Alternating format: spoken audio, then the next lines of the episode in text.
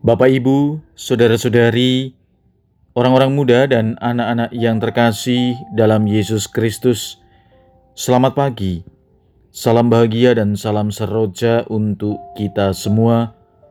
Berkah dalam bersama dengan saya, Romo Antonius Garbito Pambuaji, menyampaikan salam dan berkat Allah yang Maha Kuasa dalam nama Bapa dan Putra dan Roh Kudus. Amin.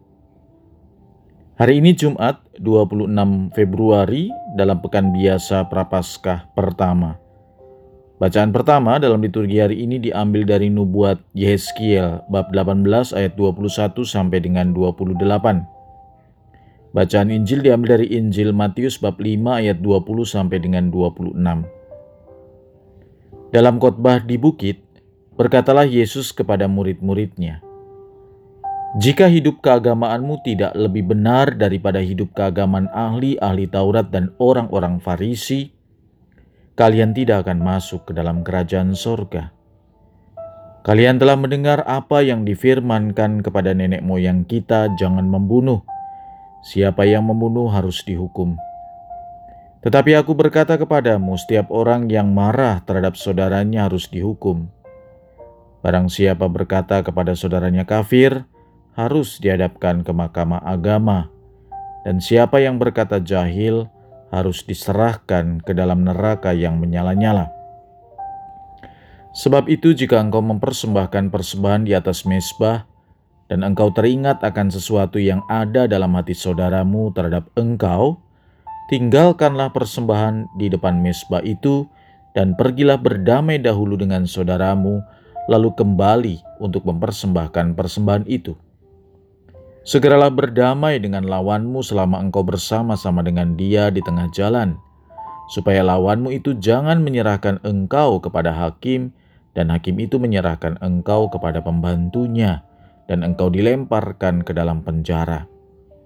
Aku berkata kepadamu, sesungguhnya engkau tidak akan keluar dari sana sebelum engkau membayar hutangmu sampai lunas. Demikianlah sabda Tuhan terpujilah Kristus. Saudara-saudariku yang dikasih Tuhan, selama masa Prapaskah kita diajak untuk meningkatkan kualitas damai dalam hidup kita. Damai dengan diri sendiri, dengan sesama, dengan lingkungan hidup kita, dan tentu juga damai dengan Tuhan. Masa Prapaskah mengajak kita menciptakan semangat kerahiman Allah dan menghadirkan wajah kerahiman Allah itu bagi sesama makhluk ciptaan Tuhan. Dalam bacaan pertama, nubuat Yeskiel menyampaikan pesan yang memperlihatkan wajah kerahiman Allah.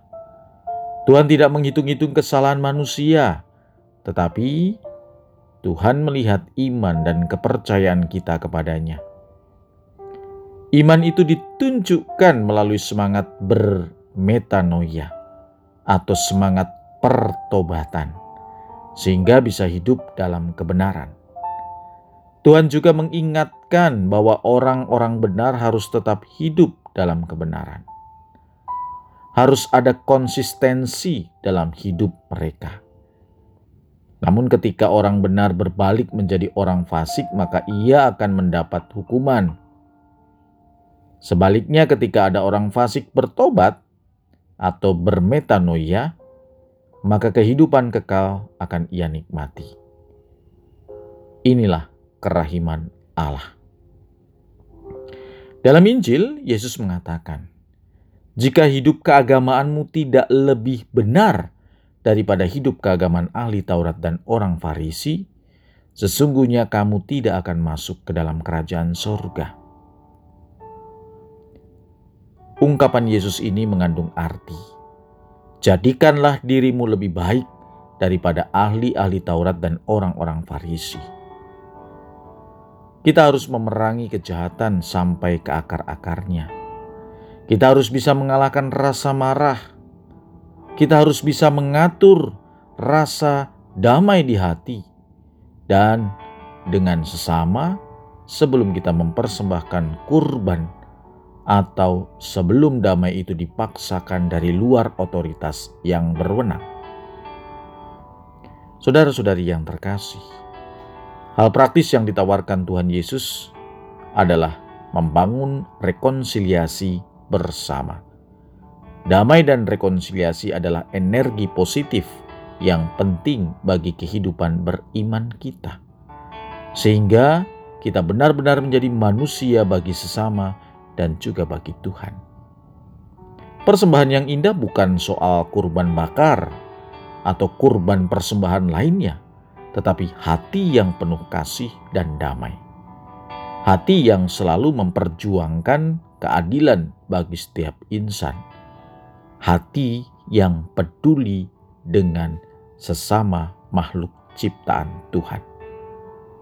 Mari, saudara-saudari yang terkasih, kita menjadi orang yang membawa damai bagi sesama, bagi diri sendiri, bagi lingkungan hidup kita, dan juga bagi Tuhan.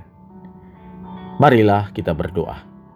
Tuhan Yesus, semoga dalam masa penuh rahmat ini kami senantiasa dapat membawa damai dan sukacita sebagai bentuk pertobatan kami. Berkat Allah yang Maha Kuasa, dalam nama Bapa dan Putra dan Roh Kudus. Amin.